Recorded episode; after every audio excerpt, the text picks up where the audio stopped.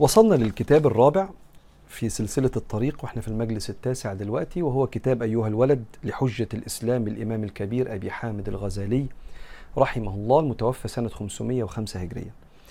قال رحمه الله في نصيحته لتلميذه قال رحمه الله ونفعنا الله بعلومه وعلومكم في الدارين آمين. قال أيها الولد ومن الليل فتهجد به أمر وبالأسحار هم يستغفرون شكر والمستغفرين بالأسحار.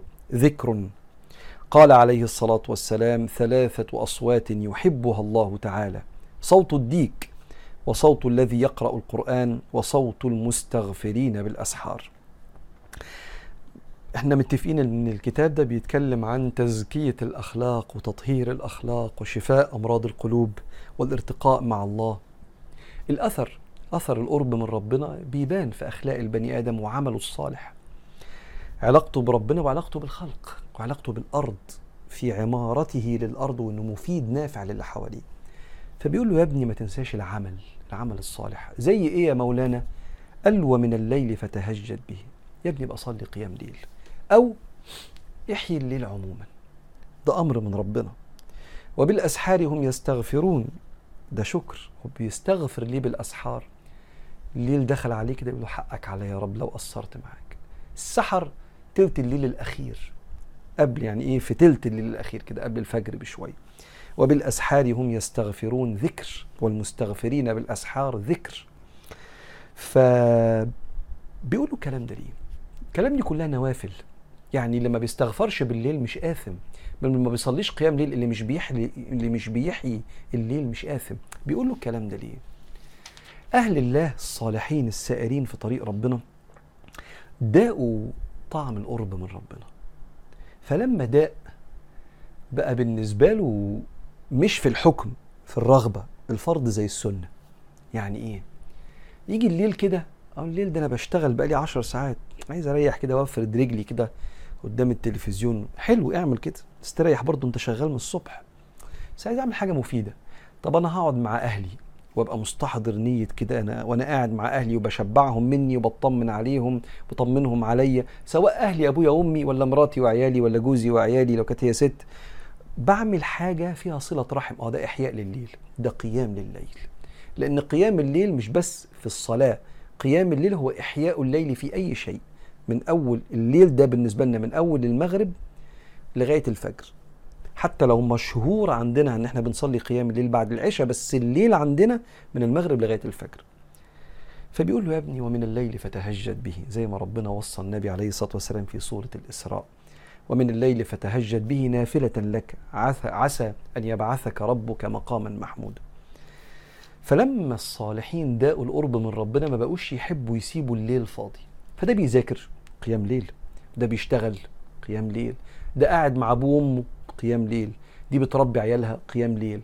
ده بيشتغل بالليل لأنه عنده وردية لغاية الفجر. نهار أبيض. بص أي حاجة نافعة بتتعمل بالليل أنت بتقوم الليل. بس استحضر كده أنك بين يدي الله. انك بتعمل ده عبادة لله. فبيقول له يا ابني ومن الليل فتهجد به. وده يفهمك قد إيه الصالحين السائرين في طريق الله بيراقبوا أنفاسهم. مش بيراقبوا إيه وأنا الساعة دي عملت إيه؟ لا هو أنا النفس ده. اللحظة دي راحت كده بعيد عن ربنا ولا كنت فيها مع ربنا. انفاس يراقبون الأنفاس. ثم قال له وبالأسحار هم يستغفرون. شكر يبقى استغفر ربنا بالليل. يعني إيه الاستغفار شكر؟ آه ما أنا لما أقول لربنا حقك عليا إني قصرت. بشكره على رحمته إنه أبقاني في دنيته وملكه رغم إني قصرت وأذنبت. وعصيته بنعمته وكنت ناسيه وأنا عبد ليه فبستغفره. بشكره على حلمه وصبره علي.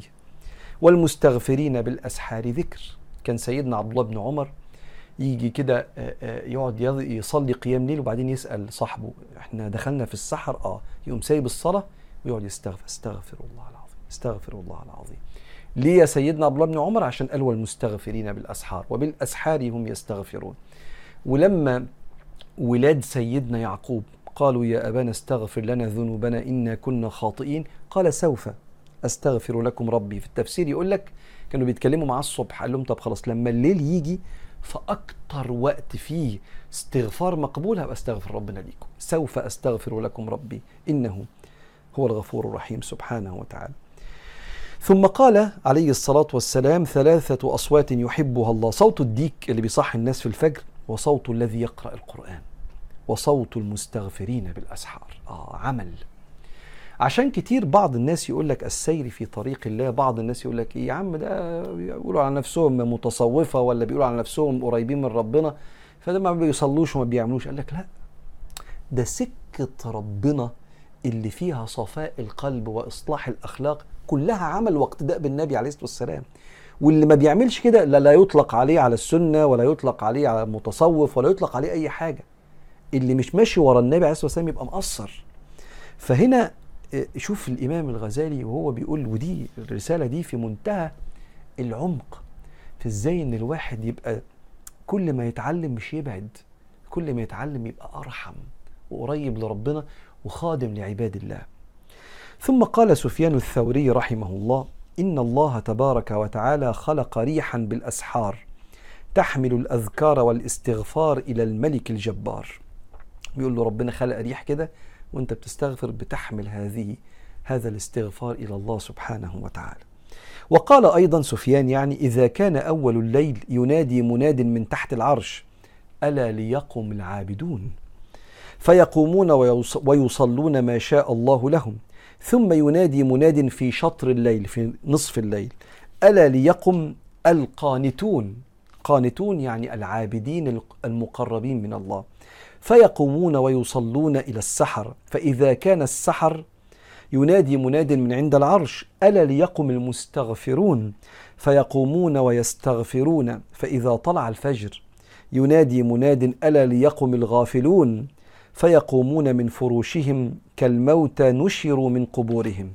هنا في حتة مهمة قوي بالنسبة لسفيان الثوري بالنسبة لسفيان اللي بيصلي الفجر بس غافل. بس ده حال سفيان الثوري. هو بالنسبة له كده. زي ما حضرتك كده تبقى سابقنا شوية كده في عبادة ربنا فلما ما تصليش الوتر أو قيام الليل أو سنة العشاء شوف نفسك مقصر. أقول لك زي حالك لما تطلع زكاة مالك بس 2.5% وما تتصدقش تشوف نفسك مقصر.